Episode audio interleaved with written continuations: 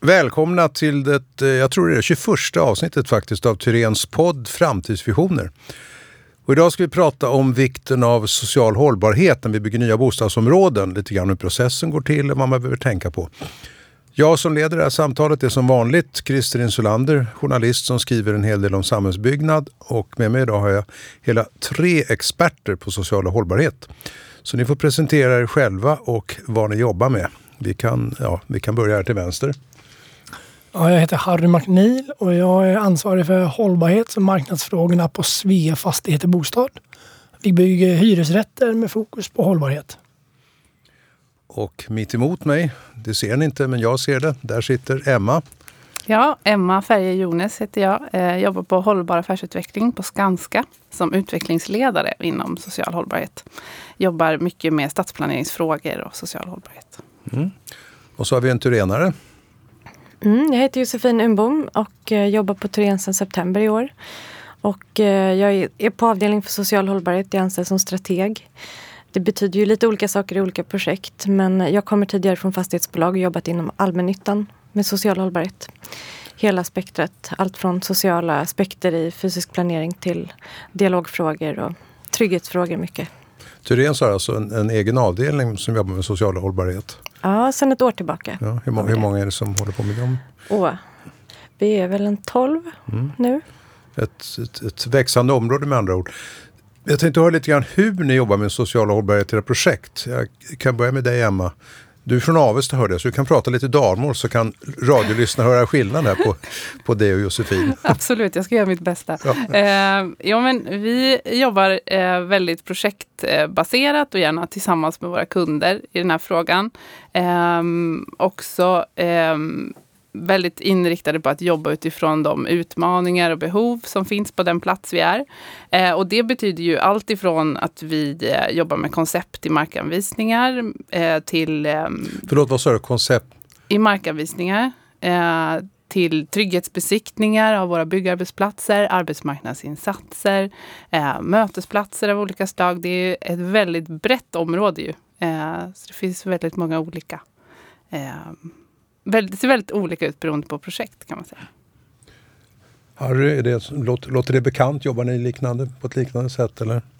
Ja, för oss handlar social hållbarhet om att utgå ifrån att eh, skapa goda livsvillkor för människor att leva ett bra liv. Eh, välbefinnande om man så vill. Och social hållbarhet, eh, när vi bygger, bygger då på att verkligen förstå platsen vad är det för förutsättningar som gäller för här? Hur lever människor?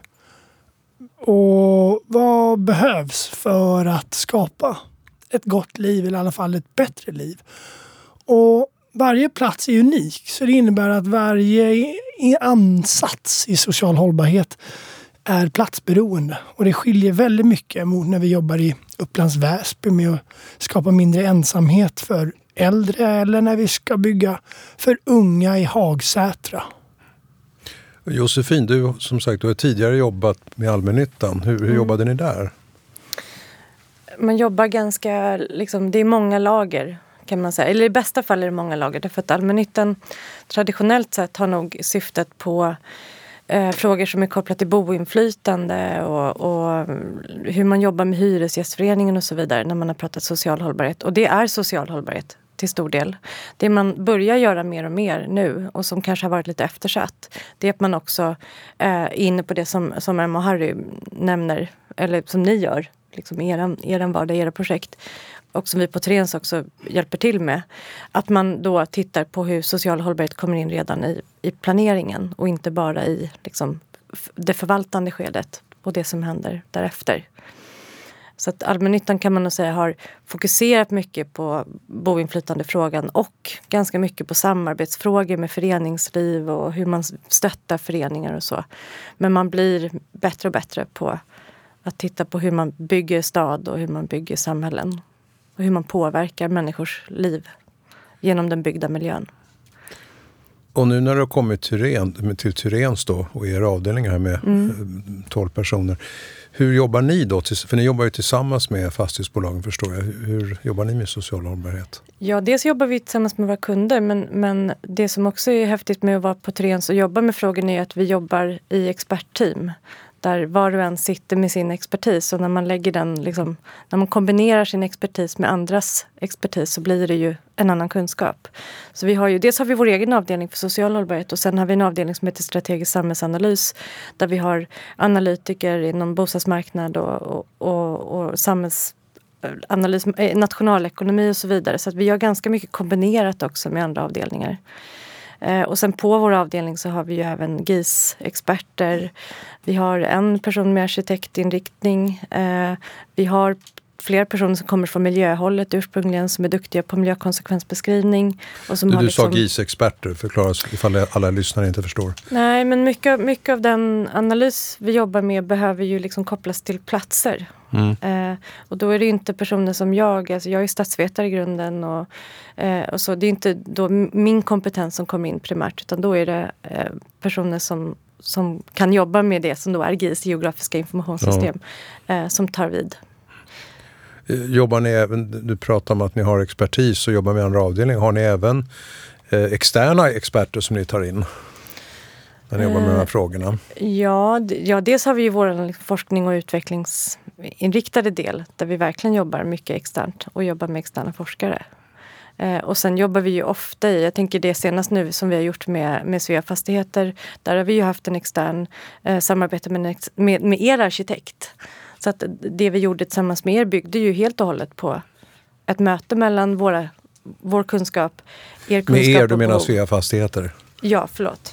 Pekar på Harry här. Ja, det mm. var ett eh, extremt eh, spännande samarbete för vi hade Belachev arkitekter som är några av de mest ska man säga, urban, mest urban inriktade arkitekter just nu. Eh, och så var det vi på Svea Fastigheten som ska bygga och äga eh, husen. Och sen så var det Thyréns med sin kompetens om Hagsätra och vad som behövdes. Och där gjorde vi precis det. Verkligen förstå vad platsen är idag, vad som finns. Och där vi kunde få historiska referenser genom den sociala värdeskapande analys som Thyréns hade gjort och, och, och, blicka tillbaka om en biograf som hade funnits och sen så ta fram ett nytt koncept om en modern multifunktionell eh, biograf. Och där vi nu ska bygga Sveriges minsta biograf i Hagsätra. Och som Belachev har ritat. Eh, just det här med att, att, att du pratar just om att man jobbar med partners med eh, externa, extern hjälp. Emma, när ni jobbar, hur, vilka, för att få ett sånt bra eh, social hållbarhet som möjligt i arbetet. Vilka eh, expertiser, vilka konsulter, vilka externer man pratar med eller som ni pratar med? Eh, ja, det ser väldigt olika ut beroende på vilket projekt det är såklart. Men eh, vi har någonting som vi kallar för social agenda som är vårt eget verktyg som egentligen är ett dialogverktyg för hur man adresserar eh, social hållbarhet och hur man hittar ett eh, gemensamt värde i frågan tillsammans med sin kund och de samarbetspartners som behövs. Eh, det kan ju vara allt från eh, olika föreningar i lokalsamhället till att man identifierar ehm, någon annan dialoggrupp eller så. Um, och där man sen då sätter mål tillsammans och hittar sociala lösningar. Man vill ju gärna gå på den lösningen direkt. Men ska, det, ska man kunna göra skillnad uh, så behöver man ju hitta en bättre samarbetsform och förankra den lite bättre. Och då har vi uh, den här dialogprocessen. Men um, det som vi har sett som är jätteviktigt för att det ska bli bra i stadsplaneringsprocesserna och planprocessen, det är ju någon slags systematik kring social hållbarhet. Social värdeskapande analys nämnde ju Harry och Josefin innan. Det är ju ett sådant verktyg och sociala konsekvensanalyser är också sådana. Eh, och det jobbar vi jättemycket med för att kunna just systematisera och, och liksom förflytta frågan så att den hänger med i planprocessen. Mm. Ni, ni berörde lite grann tidigare, men är det stora skillnader mellan, mellan olika projekt? Jag tänker framförallt kanske på de socioekonomiska förutsättningarna och hur hanterar man dem i så fall?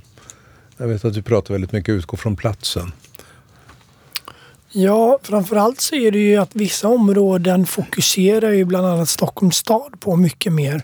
Och där har man gjort väldigt mycket analyser och dialog processer. Så där har man god förståelse för vad, vad som finns i området och kanske vilken typ av lägenheter som behöver göras. Eller vilken typ av vad ska man säga, idrottsinsatser eller eh, liknande. Och då är det ju vad man säga, lättare att också komma fram med rätt lösningar. Och det varierar ju hur mycket man har analyserat en plats. Och det är klart att situationen på platsen och den mm. socioekonomiska situationen påverkar hur mycket man har analyserat och jobbat med området. Vilka faktorer är det som skiljer mellan olika områden och som är viktiga just när man pratar om social hållbarhet? Det är ju massa saker. Det är ju allt från eh, inkomstnivåer till eh, liksom, tillgång till serviceutbud. Alltså, en rad parametrar som påverkar människors livschanser och hur man, hur man lever i sin vardag. Så.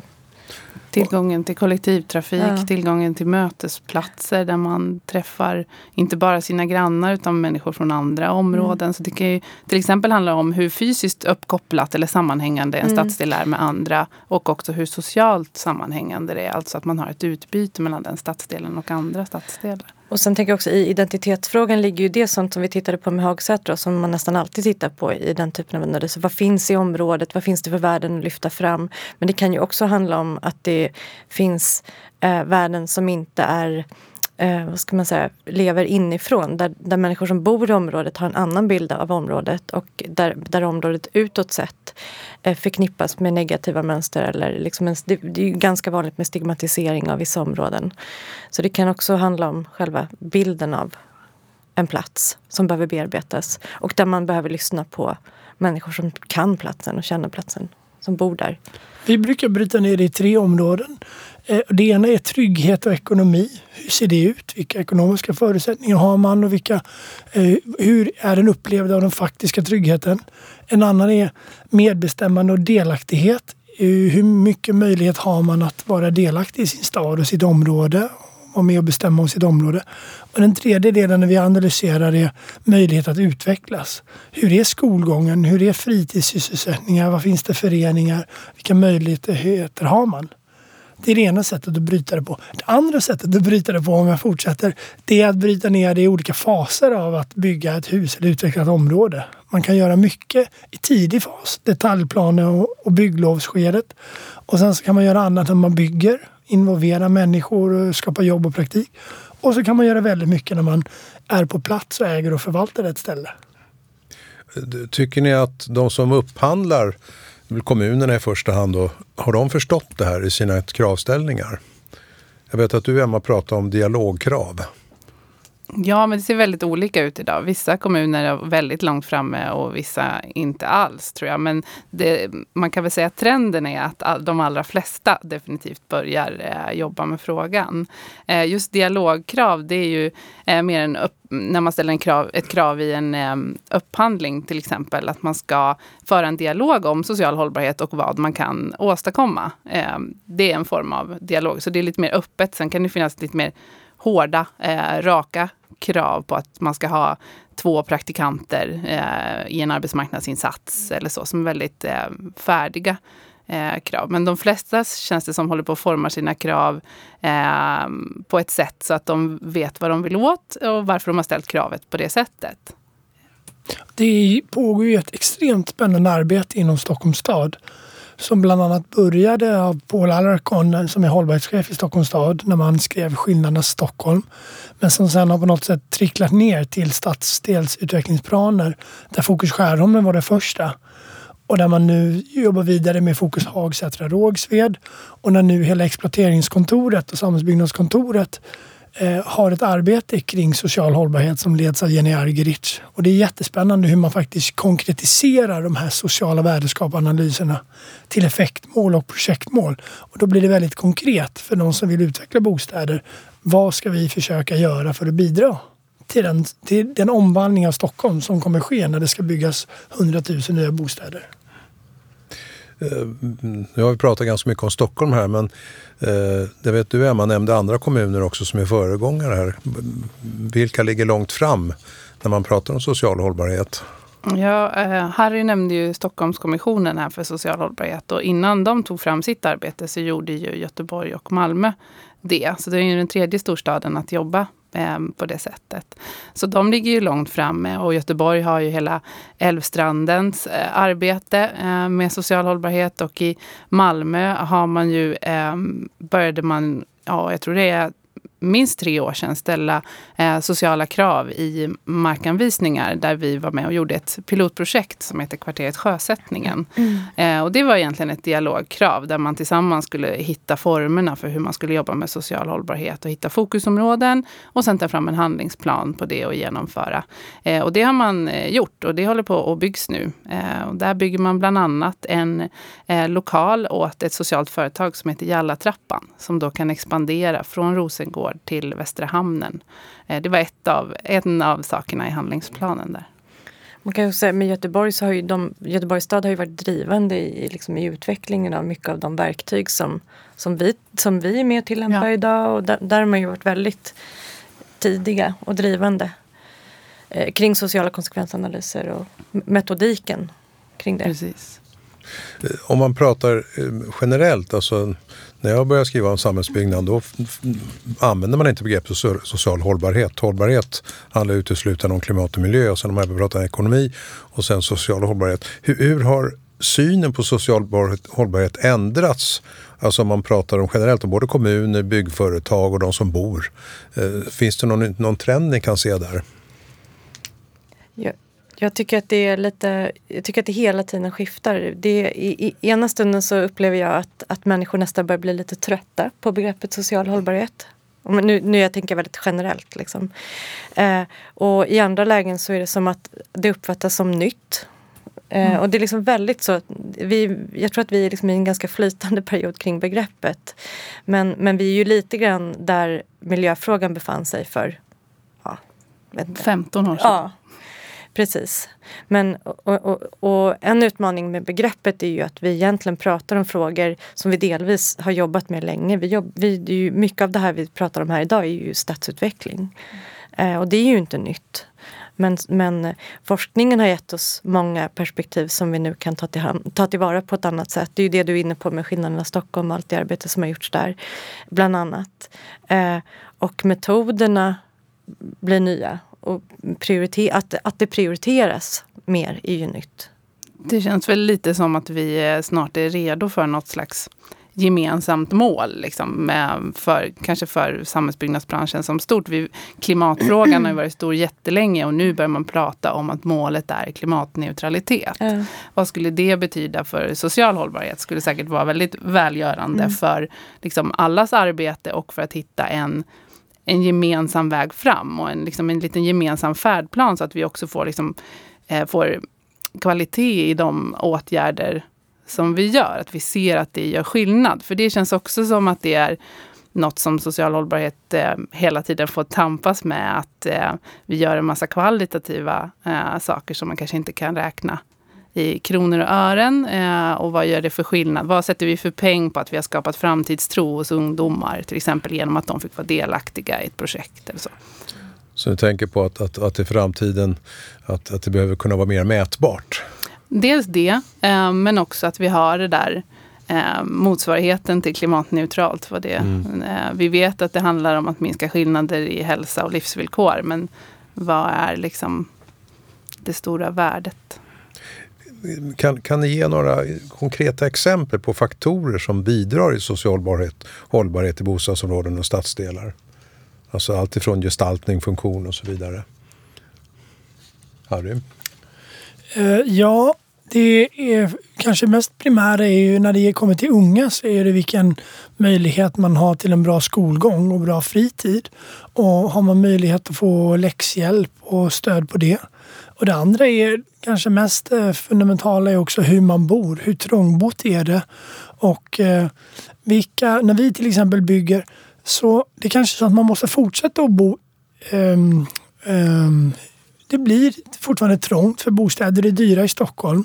Men då måste man se till att man har alternativ. Att man bygger utrymme att mötas på i bottenplan. Så att man kan gå ner och göra läxor där till exempel på kvällstid. Och att du har, kan ha utrymmen, eftersom utrymme är dyrt, som kan användas som arbetsplatser dagtid och kanske läxutrymme kvällstid och som eh, hobbyutrymme på helgerna. Så det är mycket, mycket av liksom förståelsen för vad det är för någonting har ju också att göra med liksom någon form av relationellt perspektiv. Hur mår ett område i förhållande till ett annat område? Så det är mycket rättvisefrågor i det. Eh, hur, hur trångbodd är man jämfört med ett annat område? Så, så man måste hela tiden analysera platsen i förhållande till dess omgivning. Och det är det vi också har sett i, i, i, i det som Harry nämnde tidigare med skillnaderna i Stockholm. Man har analyserat och brutit ner Stockholms stadsdelar och, och, och, tittat på hur, hur, ser, hur ser det ut i allt från tandhälsa till tillgång till utbildning, till arbete, till bostadsfrågan.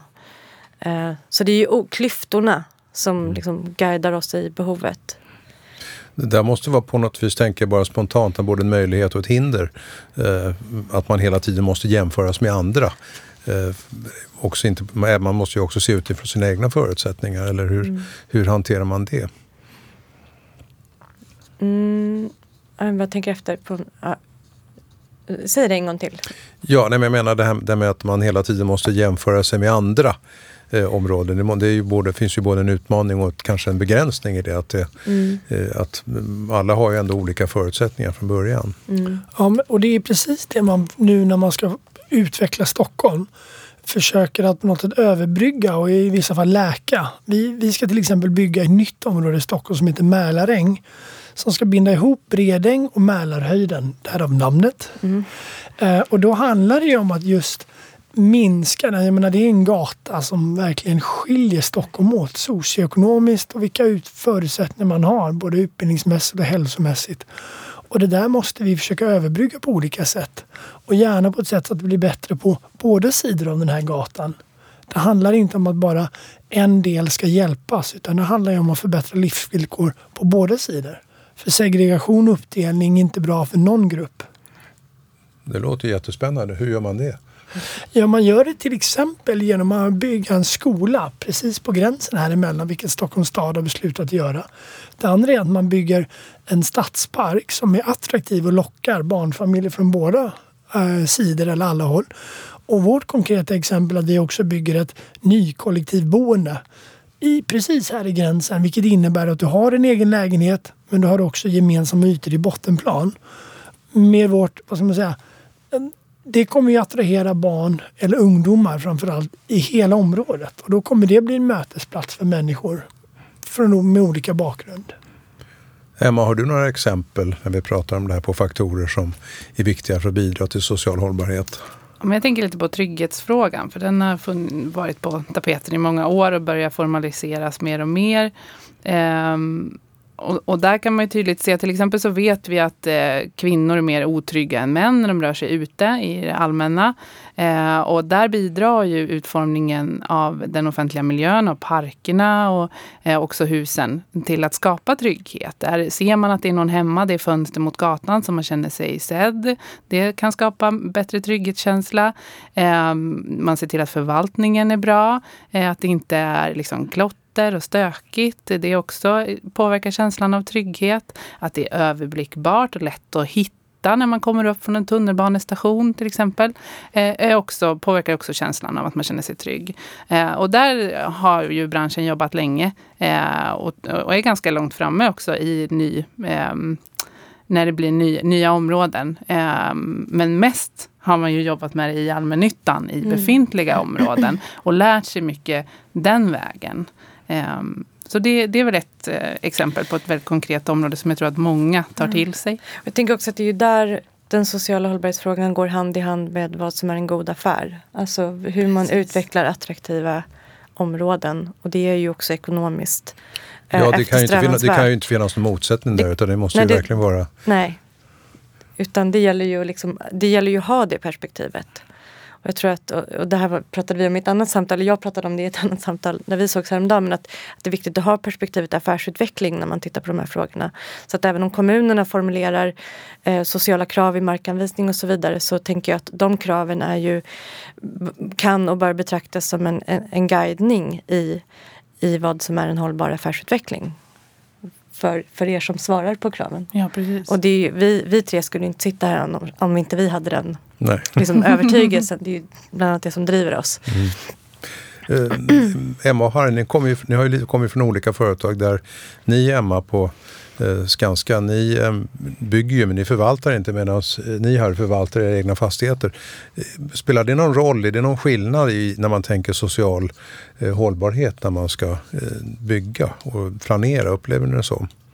Emma? Eh, jag tror att det skiljer sig åt eh, lite grann såklart genom kopplat till eh, affärsmodellerna kring det man ska bygga. Men eh, vi jobbar ju hela vägen från projektutveckling och ett tidigt skede genom byggskedet och sen lämnar vi över för förvaltning. Och hade vi inte haft förvaltningsperspektivet med oss från början i, för, i planeringen så hade vi ju inte varit så framgångsrika som vi är. Sen kan man naturligtvis göra eh, ännu mer, tror jag. Och jag tror också att det är en ömsesidig fråga. Att de som förvaltar börjar ställa mer krav på de sociala frågorna till de som ska bygga. Eh, och tvärtom, att vi pratar ännu mer med de som ska förvalta om så här har vi planerat för att det här ska fungera.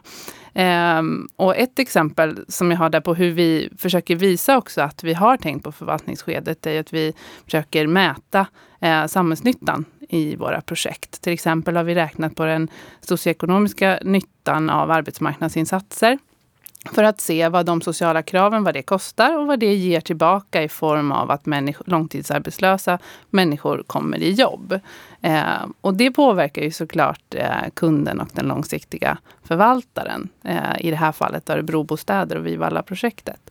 Eh, så vi tänker jättemycket på förvaltningsskedet även om vi inte förvaltar. Och det finns otroligt mycket man kan göra och som jag vet att Skanska gör. Bara genom att ha det här perspektivet när man gör detaljplan och driver bygglov och sen bygger. För det, det vi bygger och det vi planerar kommer sen stå där i 50, 60, kanske 100 år. Och det är klart att det är, finns mycket att göra i förvaltning också. Att, att äga och vara på en plats gör ju såklart, det ger ett extra stort engagemang för området. Men har man inte utformat det rätt från början och tagit hänsyn till trygghet och belysning och gångstråk och liknande, då är det väldigt svårt att jobba med en plats. Så det är otroligt viktigt att ha med det här perspektivet redan när man utvecklar den fysiska utformningen av ett område. Och så kan man säga också, man tänker att även om, om, om det finns många, all, stora delar av allmännyttan i Sverige blir, som då har egen förvaltning blir duktigare och duktigare på att jobba med de här frågorna så gör ju inte alla det. Utan den res, bara för att man har en egen förvaltning betyder ju inte det att man, att man faktiskt arbetar mm. så aktivt med det. Um, jag vet inte om man ens kan identifiera det, men vilka tyck, vad tycker ni är de största utmaningarna? Vilka är de svåraste kriterierna att uppfylla när man ska bygga socialt hållbart? Ehm, det svåraste är ju på något sätt någon form av långsiktighet och att göra det på riktigt och göra det med över gränser. Och där vill jag eh, på något sätt lyfta fram Södertälje och vad Tälje gjorde för en 5-10 år sedan man pratade inte så mycket om social hållbarhet men man grep sig an den, det utanförskap och den kriminalitet som fanns i Södertälje och på något sätt kvävde stan för tio år sedan. Tillsammans med disciplinära och polisiära åtgärder så slog man ner på den tunga kriminaliteten samtidigt som man skapade alternativ och möjligheter bland annat för tele, genom Tele Tillväxt som jag drev då som handlade om att skapa jobb till unga. Så det svåra, eller därmed också det viktiga, det är att kunna göra både och. i Ett brett spektra. För det här är, det här är svåra och stora samhällsfrågor. Hur vi utvecklar områden, hur vi bryter utanförskap och segregation. Och då ska man inte tro att ja, det är en bostadsaktör eller en allmännytta där borta som fixar det. Utan ett brett spektra av polisiära, kommunala, eh, statliga och, och, privata insatser som kan lösa en sån fråga. Ja. Mm. Vad säger du Emma, eller Josefin hemma? Börjar du, du Kanske, var på G. Ja. men jag tänker att den, den, stora frågan som är, eller det är många stora frågor. Men eh, vi har ju en jätteutmaning med att bygga bostäder som människor har, har råd att bo i. Det finns ju matchningsproblematik där. Det byggs mycket men många människor har inte råd att, att möta de, de hyrorna eller de kostnader som är liksom mm. kopplat till, till bostadsmarknaden. Så det är, ju, det är ju ett jätteproblem såklart. Och vi har kanske byggt lite för lite, lite för länge även om det byggs mycket idag. Så, så den, men det är, inte, det, är också, det är ju en social hållbarhetsfråga som är kopplad till bostadsförsörjning. Mm. Medan mycket av det här andra vi pratat om innan här idag är ju social hållbarhet i planeringen och i förvaltandet. Så. Men bostadsförsörjningen i sig är ju en stor utmaning. Så, där vi vet att vi har många som behöver. Emma? Eh, ja, men jag håller med. Jag tror också att det är samverkansfrågan som är den, den svåraste eh, delen i det här. Att eh, det är inte en aktör som fixar allt och det är mm. inte en mandatperiod som fixar allt. Och det är inte, så det är liksom långsiktigheten och kommer tillbaka till det som jag sa innan kring den är någon slags eh, gemensam färdplan och att vi vet vad målet är. För det känns som att vi inte riktigt eh, på samma bana där i hela branschen eller i, i samhället. Och, för många är det fortfarande en, kanske en polit, väldigt politisk fråga mm. också. Um, och man behöver ju se att kom, får vi ett mer och mer otryggt samhälle så då, då blir det inte bra för någon. så att säga. Uh, men hur ska vi samverka och hitta nya former? Det kräver ju både tid och uh, mod att jobba på nya sätt. Um, så det tror jag är den svåraste frågan. Om vi till sist blickar framåt då, kanske en 10-15 år i tiden. Hur tror ni det kommer att se ut då? Synen på social hållbarhet och hur vi jobbar med det. det kan ju, tekniken gör ju det enklare på många sätt, eh, skapar nya möjligheter. Om vi börjar med dig Josefin. Eh, jag tror inte att vi gör det mindre. Jag tror kanske att vi använder andra ord. Eller att vi kanske inte kommer använda ordet eller begreppsparaplynamnet social hållbarhet lika, lika mycket. Utan att det kommer vara mer en självklar del av hur vi jobbar när vi jobbar med affärsutveckling och eh, Ja, man, man, man, behöver inte nämna det för att det är så självklart menar du? Lite ja, det är inte vi får väl se men mm. jag, jag, jag, kan tänka mig att det är en av de saker som kommer hända. Mm. Um, Harry? Um, ja men vad vi ser är att det är ett enormt fokus på de globala målen hos företag och offentlighet.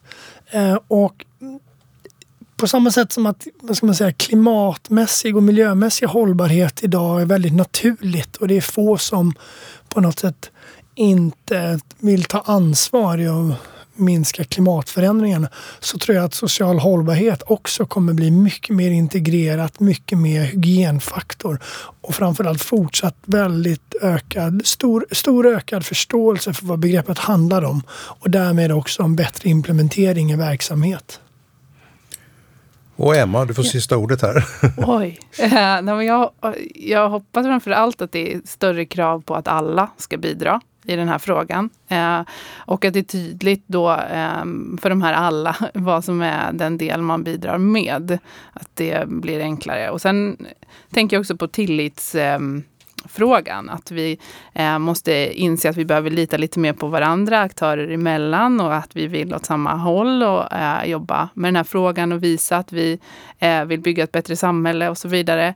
Ehm, och att vi skapar tillit, inte minst till, till de som bor i områden, att de också får vara med och känna sig delaktiga. Att vi har utvecklat mer och mer hur vi får med fler på tåget eh, när vi utvecklar nya områden och, och så. Får man lägga till en grej? Absolut. Men jag tänker också utifrån eh, min erfarenhet från Sollentunahem där jag jobbade. Där, jag hoppas att det som också kommer hända i många fastighetsbolag. Nu tänker jag både förvaltning och, och liksom utveckling, eh, fastighetsutveckling. Att, man, att människor som söker sig till branschen gör det också i ett intresse för samhällsutveckling. Alltså att man, att det, är ett, det, är, det är väldigt spännande frågor på flera nivåer. Både i fastighetsutvecklingen och också i den löpande förvaltningen. Så att, en, en förhoppning och kanske en uppmaning till människor som funderar på vad de ska jobba med i framtiden är att, att vill man jobba med hållbarhetsfrågor liksom på ett väldigt verklighetsnära sätt så är det ju en rolig bransch att vara i. Och det ser så. vi faktiskt nu. Vi har ja. precis rekryterat ett par personer och vi ser att det är enormt spännande ansökningar från människor ja. som verkligen brinner, från, brinner för hållbarhetsfrågorna ja. och som vill in och jobba med bostad och stadsutveckling. Det var väl ett kul och positivt slutord. Om inte någon har något mer att tillägga här. Är vi nöjda? Vi kan prata länge om det här. Ja. vi fortsätter sen att mikrofonerna är avstängda. Tack Emma, tack Harry, tack Josefin tack. för att ni kom och eh, tack ni som lyssnade på oss.